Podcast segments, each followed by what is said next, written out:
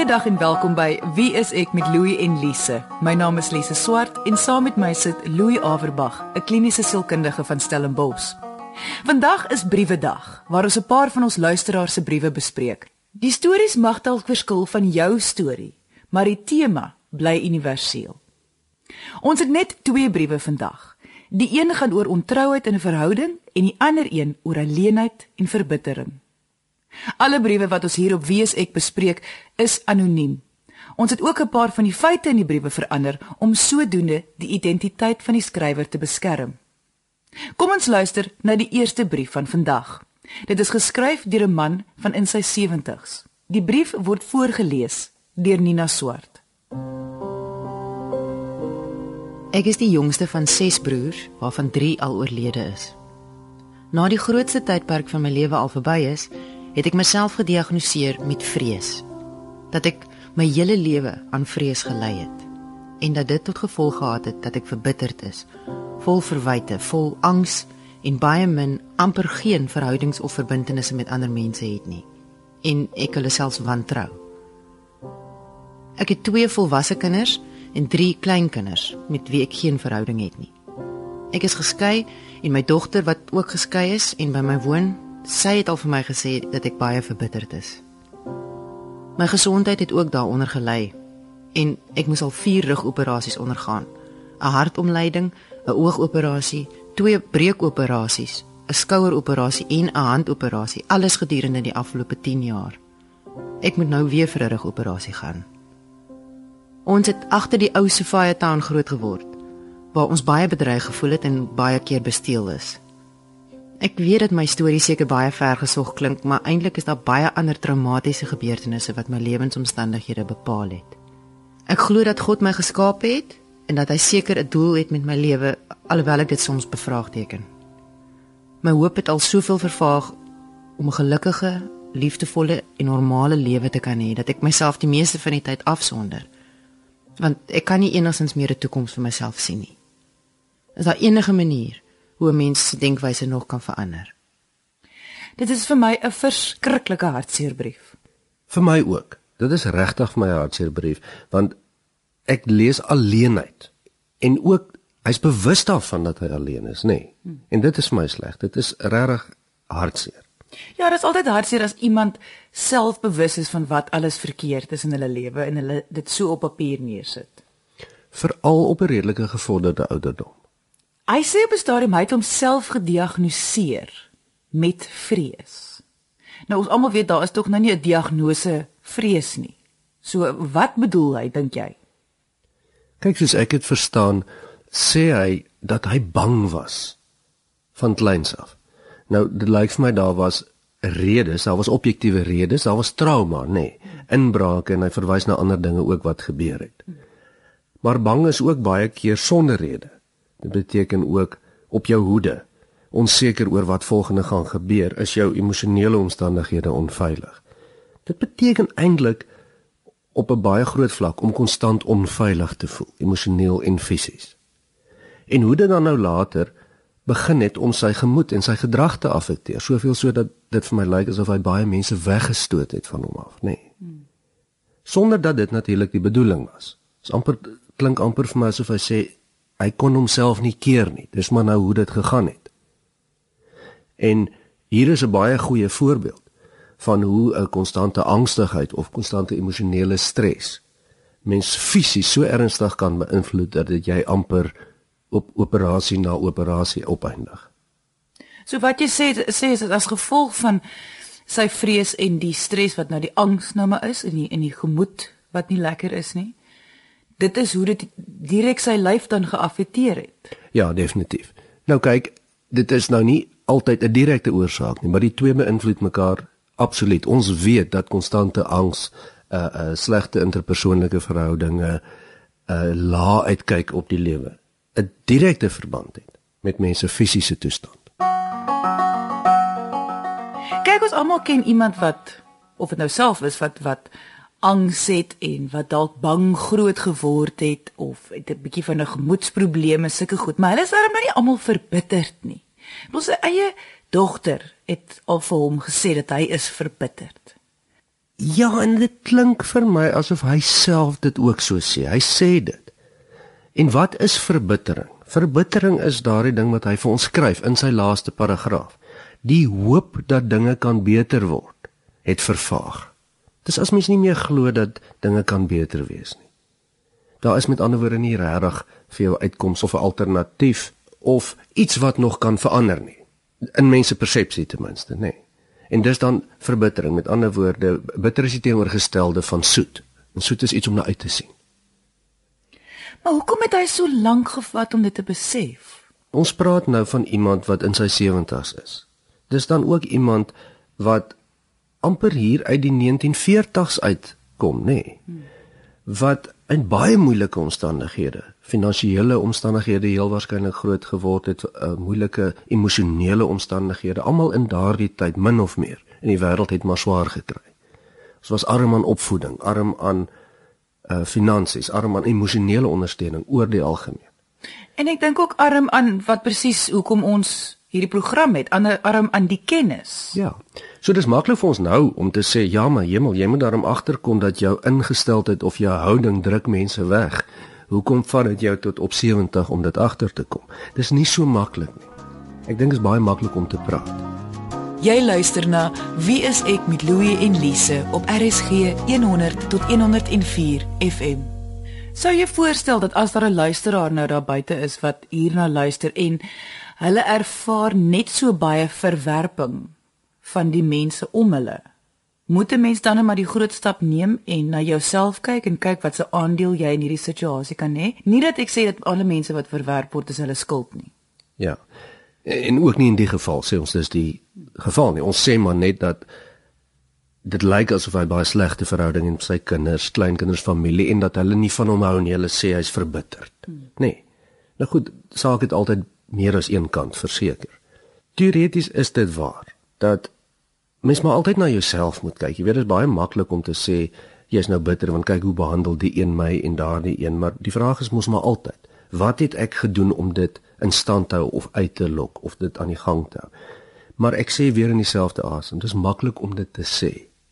Ons is almal mense. Ons almal kry seer. Verwerping is seer. As jy uit omstandighede kom waar jy basies vir jouself moes beskerm emosioneel, sielkundig, fisies en jy dalk nie die geleentheid gehad om te ontspan en te leer om mense te vertrou dat jy maar met hulle ook liefde kan gee nie. En nie te streng hoef te wees nie of nie te negatief hoef te wees nie. Dit is nie so maklik nie. Maar ja, aan die einde van die dag is dit maar mense eie keuse nie of dit maklik of moeilik is. So wat is die antwoord? Hy vra kan hy verander op hierdie ouderdom na hierdie hele lewe? Verseker. Verseker en ek sê ook nou nie die antwoord tot die oplossing van sy swaar kry lê net noodwendig daarin dat hy nou moet verander ten alle koste nie. Maar 'n groot deel van die verandering sal van hom af moet kom en ja, dit kan gebeur. Onthou mens kan nie help hoe jy voel nie. Jy kan baie keer nie help hoe jy dink nie maar jy kan help wat jy doen en dis waar die verandering gewoonlik lê. As jy op 'n sekere manier optree dat ander mense jou as verbitterd ervaar, tree dan anders op. As jy nie weet hoe nie, vra. Dis nie 'n swakheid nie. Maar vra dan. Hoe moet ek met jou praat dat ek jy nie vir jou die harnas injaag nie? En as jy as jy iemand in jou familie, kom ons gaan vat gou-gou van sy familie se perspektief af jy het iemand in jou familie wat verbitterd is. Dis moeilik om met hierdie persoon saam te leef. Hoe hoe kan mens daaraan werk? Jong, dis nie altyd maklik nie, nê. Nee. Maar ek dink wat ons almal vir mekaar sê is dat ons almal is mense, ons almal moet maar 'n bietjie genade openbaar vir mekaar, jy weet. Net soos wat jy wil hê mense moet maar met jou eienaardighede ook opgeskep sit. Dink ek lankmoedigheid of bietjie medemenslikheid gaan 'n ver pad as mens dit in jou hart kan kry. Maar mens blameer hulle ook nie dat dit nie vir hulle maklik is nie. Natuurlik. Daar is ook 'n ander kant daarvan dat dit duidelik vir sy familie baie swaar moes gewees het. Daar moes 'n geskiedenis gewees het. Mens word ook nie verbitterd gebore nie. Mens raak so deur die lewe. En baie keer het jy amper nie 'n keuse nie en sou ons almal ook seker so geraak het gegee die omstandighede. Maar aan die einde van die dag is dit tog niemand anders se keuse nie. Dit is tog jou eie keuse. Sou jy die skrywer aanraai om in hierdie proses waar hy nou duidelik sy verhoudings wil verbeter en hy nie meer so alleen wil voel nie. Hy wil werk aan homself. Sou jy hom aanraai om tog te werk aan sy angs? Hierdie diagnose van vrees wat hy vir homself gegee het. Hoe belangrik is dit op hierdie ouderdom om daaraan te werk? Kyk, dit gaan afhang wat hy daarmee bedoel, maar ek sou baie sterk wou graag by hom wou gehoor het. Bedoel jy dat jy fisiese simptome van angstigheid ervaar? As dit so is, gaan dit baie help om dit aan te spreek, nê? Nee. En ek wil amper ook sê, jy is nou in jou 70's. Wat kan jy verloor as jy nou skielik op ander maniere met mense begin praat of dalk sommer 'n sielkundige gaan sien of miskien bietjie kyk na jou angs? Dit kan tog nie slegter gaan as wat dit gaan nie.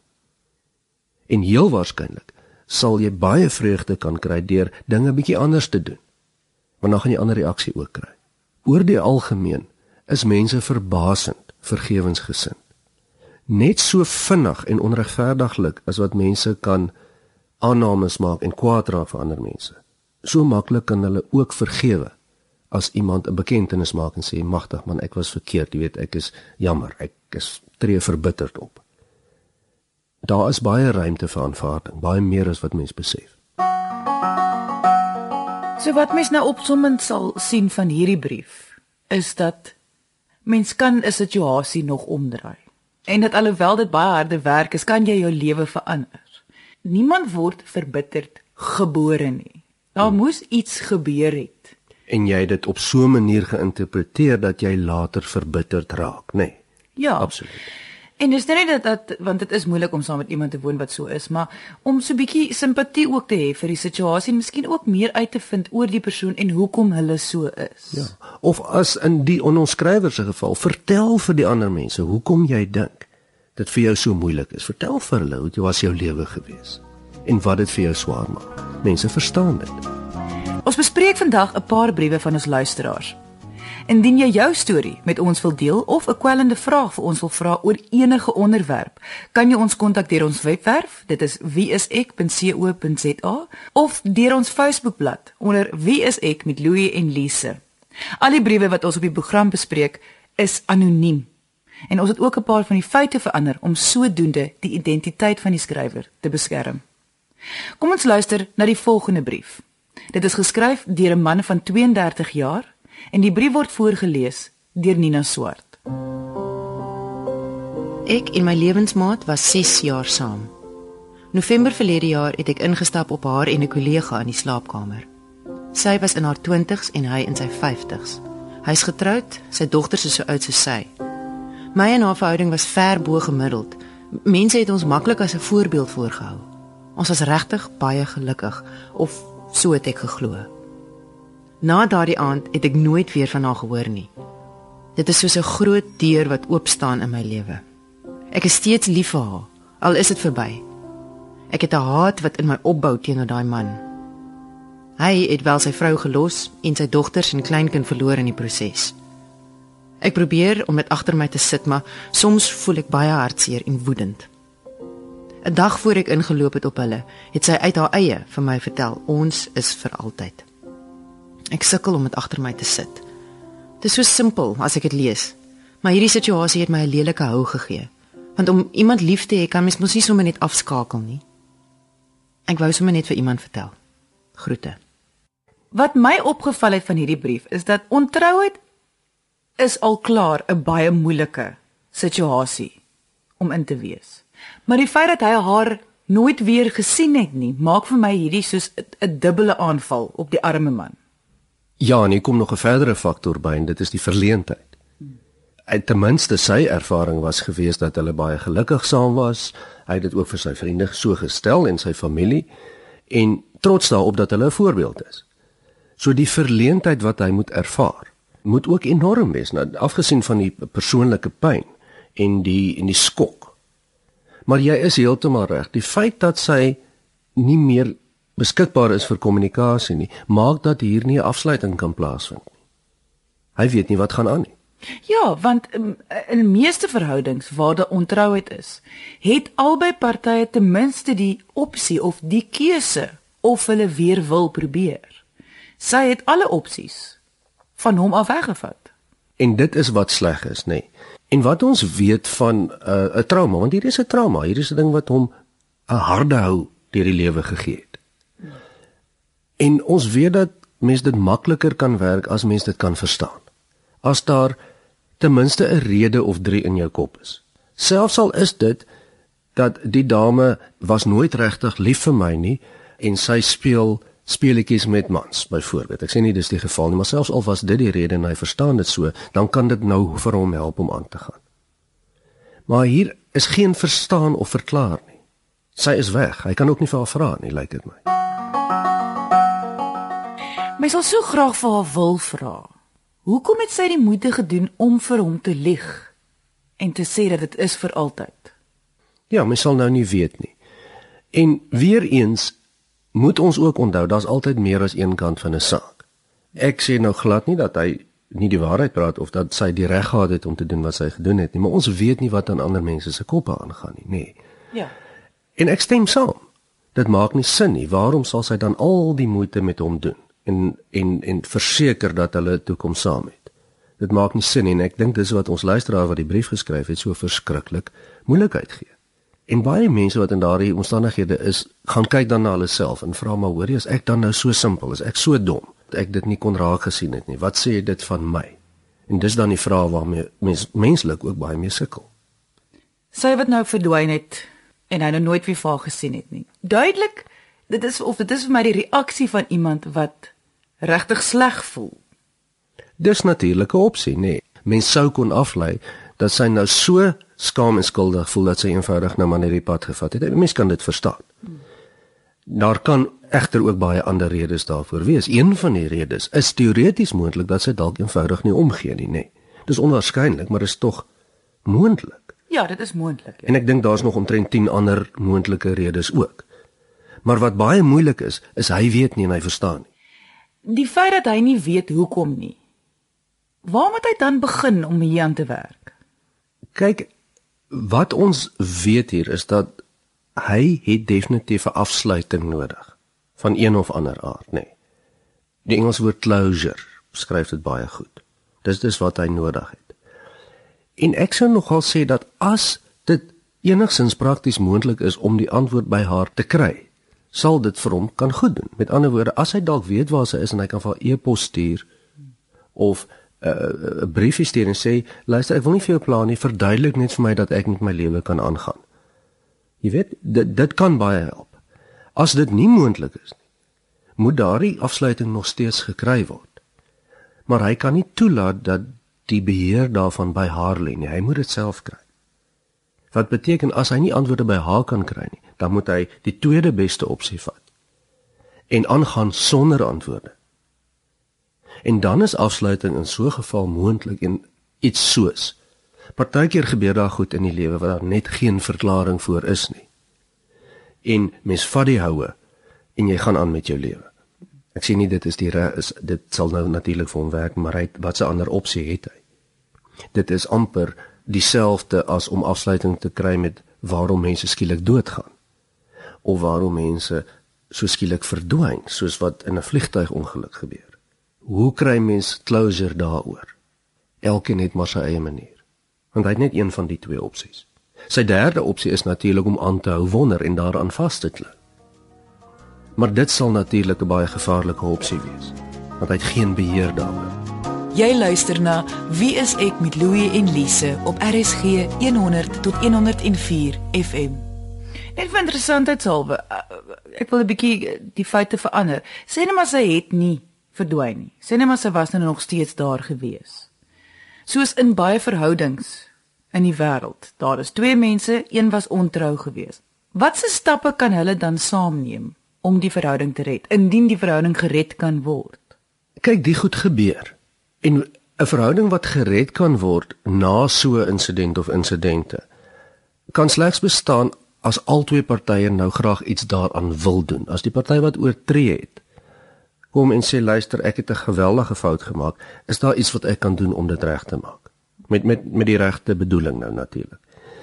En die ander persoon sê, "Goed, ek is nou so seer gemaak dat ek dit amper nie wil doen nie, maar ek sien darm kans om na jou te luister. Ek sal, sal darm kans sien om te probeer." Dan is daar baie wat mens kan doen. En vele verhoudings het al sterker daar uitgekom as wat dit was voor die tyd, nê. Nee. Maar dis die voorvereiste hierso. is dat albei wil. As mens dan nou nie weet hoe nie en jy voel nou o genade ek gaan nooit hierdie ding kan regkry maar ek wil so graag. Dan is eksterne hulp gewoonlik die aanleiding en dit gewoonlik kan dit werk.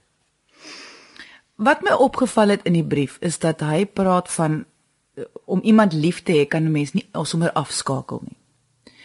Maar in my kop as ek dit lees, voel dit vir my sy fokus moenie op die lief hê wees nie. Dis nie waar 'n mens moet begin nie want hy hy is tog ons weet almal hy is lief vir haar.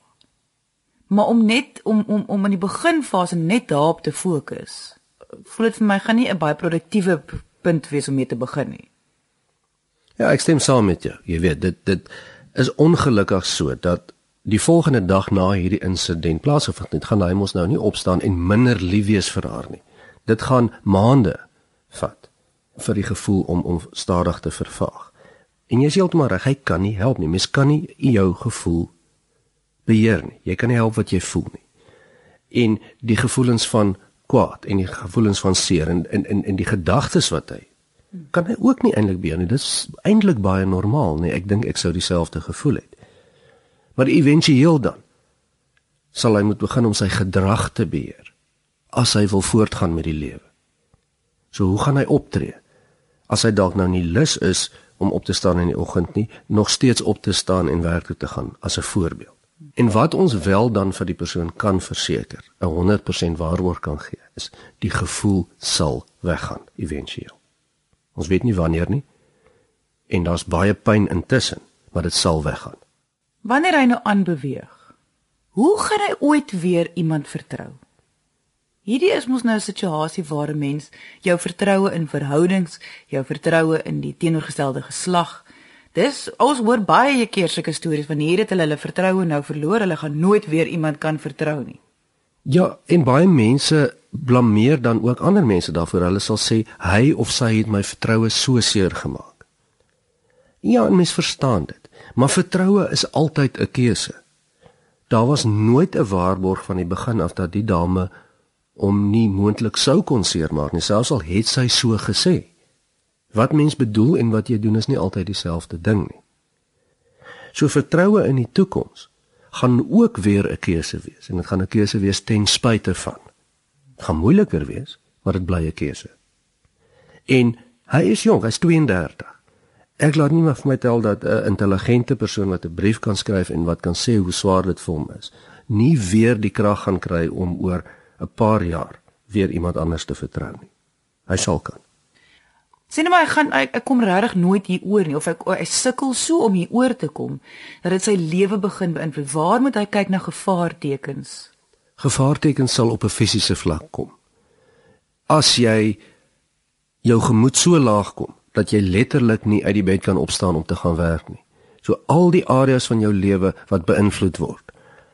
As jou ander verhoudings, jou vriendskaps en familieverhoudings begin skade, lei jy begin probleme optel by die werk En natuurlik ook, mens kan ook anders daarna kyk, die drie bene van jou driebeenpot, jou denke, jou gevoel en gedrag.